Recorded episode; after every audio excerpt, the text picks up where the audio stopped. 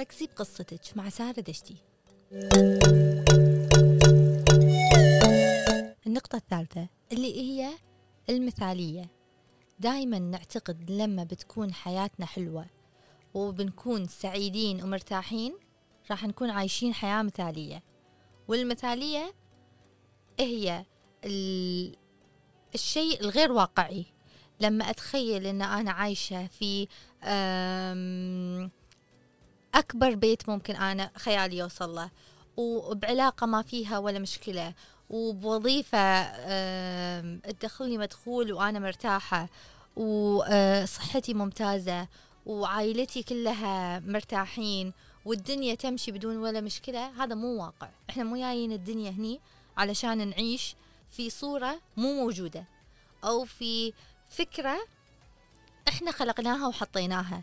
المثالية فعليا ما لها تعريف. المثالية تختلف من كل واحد للثاني بس هي آه الجواب الصحيح حقها هي شيء أنت تغطين فيه النقص اللي فيك.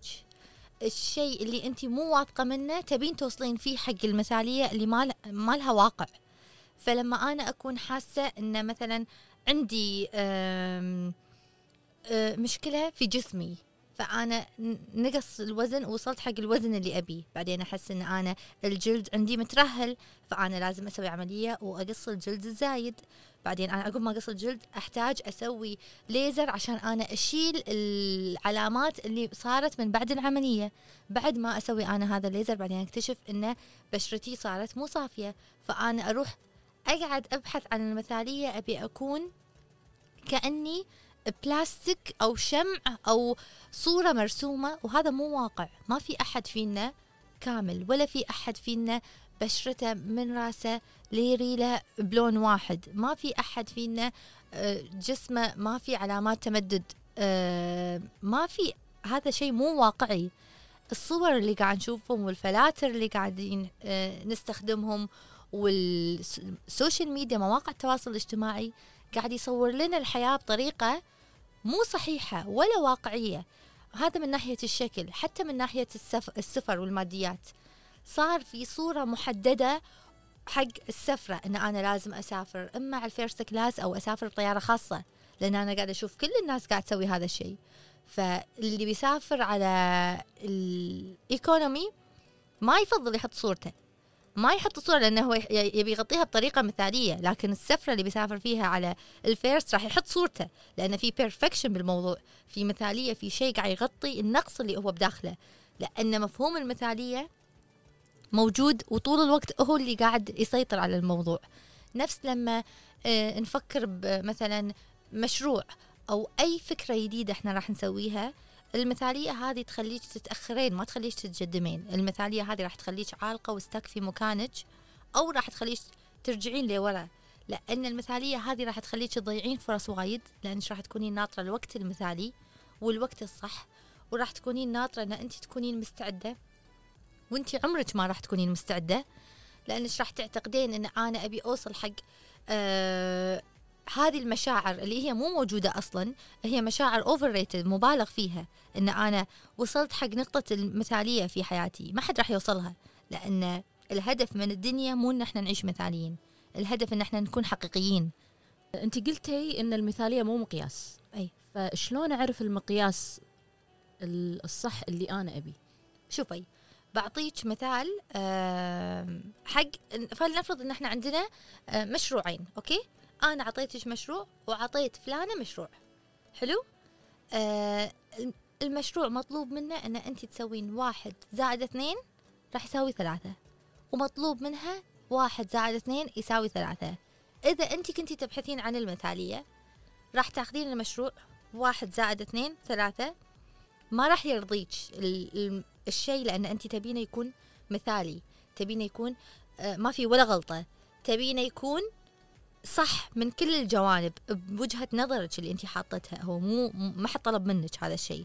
أنت تشوفين أن أنا لازم أسوي ما في ولا غلطة. واحد زائد اثنين يساوي ثلاثة استل ناقص استل ما في شيء يجذب استل ما في شيء يلفت النظر. فأنت تقومين تحطين أربعين نقطة علشان ورتوش تبين تضيفينها على هذا الشيء على هذا المشروع. فراح تبذلين جهد ووقت وتكونين اوفر عالقه وبزياده قاعد تفكرين عشان توصلين حق نتيجة بالنسبة حقك راح توصلك حق المثالية. وهو فعليا انت لو تحطين 200 آه، إضافة على هذا الموضوع ما راح توصلين لأنه دائما بيكون في شيء ناقص. بالنسبة حق الشخص الثاني اللي انطلب منه واحد زائد اثنين يساوي ثلاثة وهو مو شخصية يبحث عن المثالية. ممكن يضيف إضافة واحدة ويسلم الموضوع ويخلص.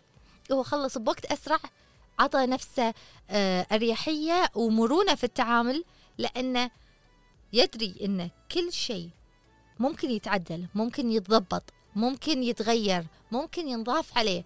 بس أنا إذا أنا من نقطة البداية أبي أوصل من ألف لياء هذا هذه المثالية اللي الناس تبحث عنها. يعني ما يتدرجون بالموضوع. أنا لما أبي أكون واقعية وحقيقية أنا أبدي شوفي كل الشركات كل السيارات كل المنتجات كل الخدمات كل من يبدي صغير ويكبر. كل من يبدي بطريقة مختلفة ويتغير. حتى الآيفون شوفي وين كان وشلون صار. حتى يعني كل شيء لازم يتدرج. لو هم قاعدين وقايلين إحنا لازم يكون الجهاز خفيف وواي فاي ويشتغل في كل مكان من أول يوم. ترى كان ما قدروا يحققونه. كان هم للحين قاعدين يحاولون. بس انهم خذوا القرار ونزلوا المنتج وشافوا الأفكار اللي جتهم وآراء الناس ومدى قبولهم ومدى رفضهم هني خلى الشخص يكون آه، عنده نظرة أنا وين الخطوة الجاية؟ شنو احتياج المستهلك؟ شنو الاحتياج؟ شنو النكست المطلوب؟ فبعدين راح يصير عندك وايد أمور آه، بحياتك تستخدمين نفس الطريقة هذه حقها. لما ببلش شيء أبلشه بالنقطة الأولى أبلشه بنقطة ألف بعدين أروح باء أروح دال أروح أمشي بالخطوات. فالمثالية تخلي الواحد دائما يركز على أبعد نقطة يركز على أصعب نقطة يركز على الشيء اللي هو ما في آه أي يعني اللي يعتقد إنه هو راح يرضي الجميع. بس ترى أنت إذا وصلتي حق النقطة هذه هم ما راح ترضين الجميع. وهم ما راح تعجبين الكل وهم راح تحصلين على الانتقادات وهم ما راح تحسين بهذا الشعور. يعني أنا في جملة قالت لي مرة وما فهمتها إلا لما طبقتها. الوفرة المالية ما راح تيج إلا إذا أنت قدرتي تعرفين شلون تتصرفين في الراتب اللي عندك. فأنا كنت أقول لا ما يصير الراتب ما يكفيني اللي عندي. فأنا شلون راح يصير عندي وفرة مالية؟ كنت سنين أعاني من هذا الموضوع لأن الراتب عندي يخلص قبل لا يخلص الشهر. فكنت دائما ألوم المبلغ أعتقد أنه هو الغلط. لين وصلت حق مرحلة راتبي نفسه صار يزيد منه وصار عندي توفير من هذا الراتب. بعدها فعلا قدرت أفتح بزنس قدرت أستقيل قدرت وضعي المادي جدا اختلف. عقب ما أنا قدرت أطبق في المبلغ الصغير اللي أنا كنت أقول إنه ما يكفيني. لأن أنا في وقتها كنت على طول أبي من نقطة ألف لنقطه ياء. أبي أنا بس أقعد باكر الصبح مدخولي الشهري لا محدود. ما يصير. أنا لازم على مدخولي الشهري اللي أنا الحين أضبط أموري أعرف أولوياتي أحل مشاكلي أضبط. بعدين شوي شوي راح أزيد أزيد أزيد أزيد أزيد أغير لين أوصل حق مستوى مختلف تماما عن اللي أنا فيه. بس لو كنت حاطة ريل على ريل وقاعدة وناطرة لازم يزيدون راتبي لازم يزيدون راتبي. ما يصير أنا أتعب كل هالساعات وما كنت راح أظل عالقة لأني قاعد أبحث عن مثالية مو موجودة. فإن أنت تبحثين عن شيء أبي يكون أه، نفس اللي أنا أبيه في بالي أرسمه بدون ما أنا أتعب أو أبذل جهد أو أغير شيء هذا مو واقعي. بعيد كل البعد عن الواقعية. أبي هالوظيفة بس بهالمدخول. ما يصير. لازم أنا أتعب أزيد لازم أنا أعطي جهد أكثر لازم أنا أسوي شيء أكثر عشان أحصل على مدخول أكثر. ما يصير أنا حاطة ريل على ريل وأداوم كم ساعة باليوم ما في أي أي إضافة أي إبداع أي تغيير أنا قاعدة أسويه قاعدة أشتغل بوظيفة روتينية الكل يقدر يسويها وأطالب بمدخول آه، حيل عالي. فالمثاليه هي تخليك تفكرين بشيء مو واقعي. أنا أبي أسوي هالشيء بهذا المدخول أبي أسوي لا لازم تعرفين إن الشيء اللي بتعطينه بتحصلين عليه. خطوة بخطوة بيتدرج الموضوع. قولي لي شكل عندك سؤال. آه إنزين شلون شلون أقنع نفسي إن هالشيء كافي؟ هو انت ما تحتاجين تقنعين نفسك انه هو الشيء كافي. هو أنا ليش أحط حلم وهدف ويصير عندي طموح؟ لما أكون أنا محتاجة شيء أو حاسة في نقص عندي بجانب معين أبي أعبيه.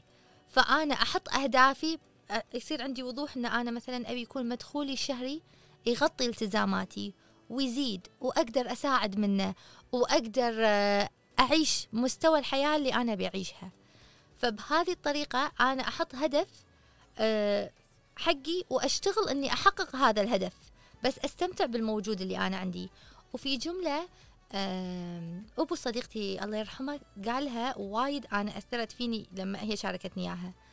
قالت لي آه، في مرحلة بالحياة راح يوصل عندك المبالغ والفلوس يكونون مجرد رقم لأن أنت مهما تزيدين آه، الفلوس أنت ما راح تقدرين تصرفين كل هذا وأنت شخص واحد.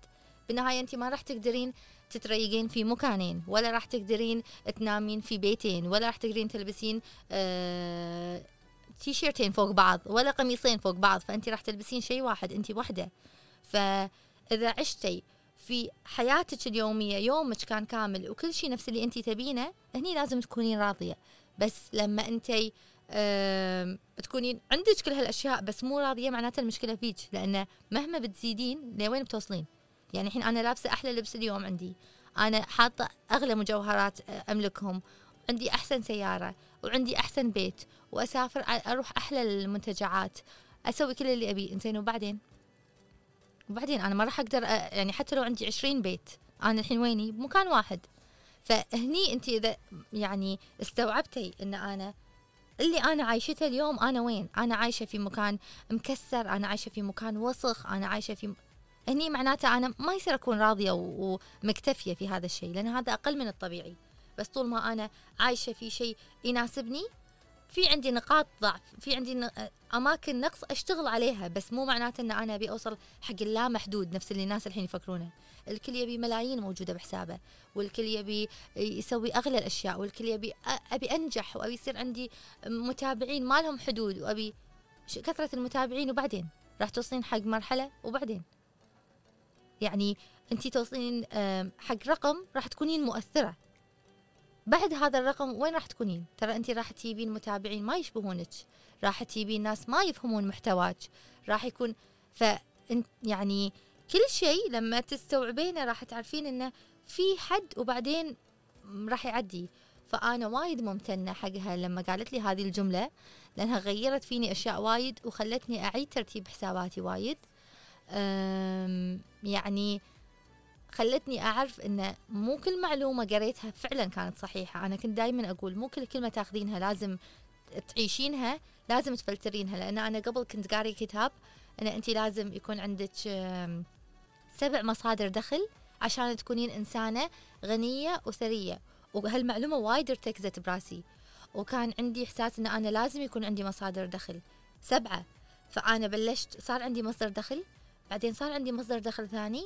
لما صار عندي مصدر دخل ثالث جملتها طقتني في مكان حيل كان قوي وحيل كان مناسب لأن أنا حسيت أن أنا الحين قاعدة أسوي شيء فوق طاقتي وبعيد كل البعد عن قيمي. بالنسبة حقي أنا القيمة الأولى هي الحرية. أن أنا يكون عندي سبع مشاريع معناته أنا مو حرة. معناته أنا عندي موظفين وايد معناته أنا عندي مسؤوليات وايد. معناته أنا عندي المشاكل اليومية وايد حتى لو بوظف ناس حتى معناته أنا التزاماتي الشهرية وايد. يعني لما صارت آه، الأزمة السنة اللي طافت كل واحد عرف إيش كثر التزاماته. فأنا أبي أحط سبع آه، مشاريع في عندي مسؤولية في عندي رواتب أنا لازم أضمنهم حق هالموظفين لأي ظرف صار. في عندي أنا أجارات في عندي التزامات. فعرفت أن أنا مو هذا حلمي. هذه معلومة أنا قريتها وأعتقد إن هي بتوصلني حق الثراء اللي أنا بيه. أنا ما أحتاجه. أنا وصلت حق نقطة أنا الحين مرتاحة. أنا وصلت وصلت حق نقطة أنا يوم بيوم قاعدة أعيشه بأفضل حالة. معناته إن أنا ما أحتاج أسوي سبع مشاريع عشان أنا أوصل حق اللي أنا بيه. ما ما أحتاج أنا أتعب وأحط حق نفسي كل هذا هذه الأمور اللي تقيدني لأن أنا أهم شيء عندي الحرية. كثر ما زادت مسؤولياتي قلت حريتي. أنا هذه الفاتورة ما بدفعها. فجملتها يتني وأثرت فيني وكانت بوقتها. عشان كذي أنا مثلا تخليت عن ال- الكافيه. فتحته وسكرته على طول لأن حسيت إن هذا راح يكون الالتزام راح يعيقني ما راح يفيدني راح يدخل لي فلوس راح يدخل لي مكسب. بس أنا الفلوس مو القيمة الأولى عندي. أنا في عندي أشياء وايد أهم. في خسارة كان بس أنا خسرت الفلوس. بالنسبة حقي خسارة الفلوس مو نفس خسارتي حق حريتي. بالنسبة حقي إن أنا أكمل وأضيع طاقتي وصحتي ووقتي وشيء مو مسبب لي راحة وأكثر من قدراتي كان أهم عندي من إن أنا آه، أختار يعني انه يصير عندي سبع مصادر دخل عرفتي؟ ولما أقول لك إياها الحين تحسين إن أنا الاختيار كان عندي سهل ولا الفترة اللي أنا مريت فيها كانت سهلة؟ كانت من أصعب الفترات اللي أنا مريت فيهم في حياتي. كانت فترة أنا حسيت فيها إن أنا وصلت حق القاع لأن حسيت إن أنا فشلت. ما قدرت أحقق أو أوصل حق شيء أنا كنت أشوف إن أنا أقدر أسويه. أنا حاطة في بالي بفتح سبع مشاريع. أنا المشروع الثالث وقفني المشروع الثالث طقني المشروع الثالث أثر على صحتي. حسيت بفشل. قارنت نفسي مع ناس عندهم عشرين مشروع. صار في عندي خربطة صار في عندي عدم اتزان. حسيت ان أنا تايهة ومو عارفة وين بروح. الكلام لما أقوله سهل بس الفترة كانت جدا صعبة. لما بتحددين هذا القرار أبدا لا تعتقدين أن أنت راح تمرين بفترة سهلة. أنا حتى وفاة أبوي كانت أسهل من السنة هذه اللي أنا مريت فيها لأن حسيت أني دايما كان عندي نظرة واضحة حق أنا شنو أبي وين بروح آه شنو قيمتي الأساسية.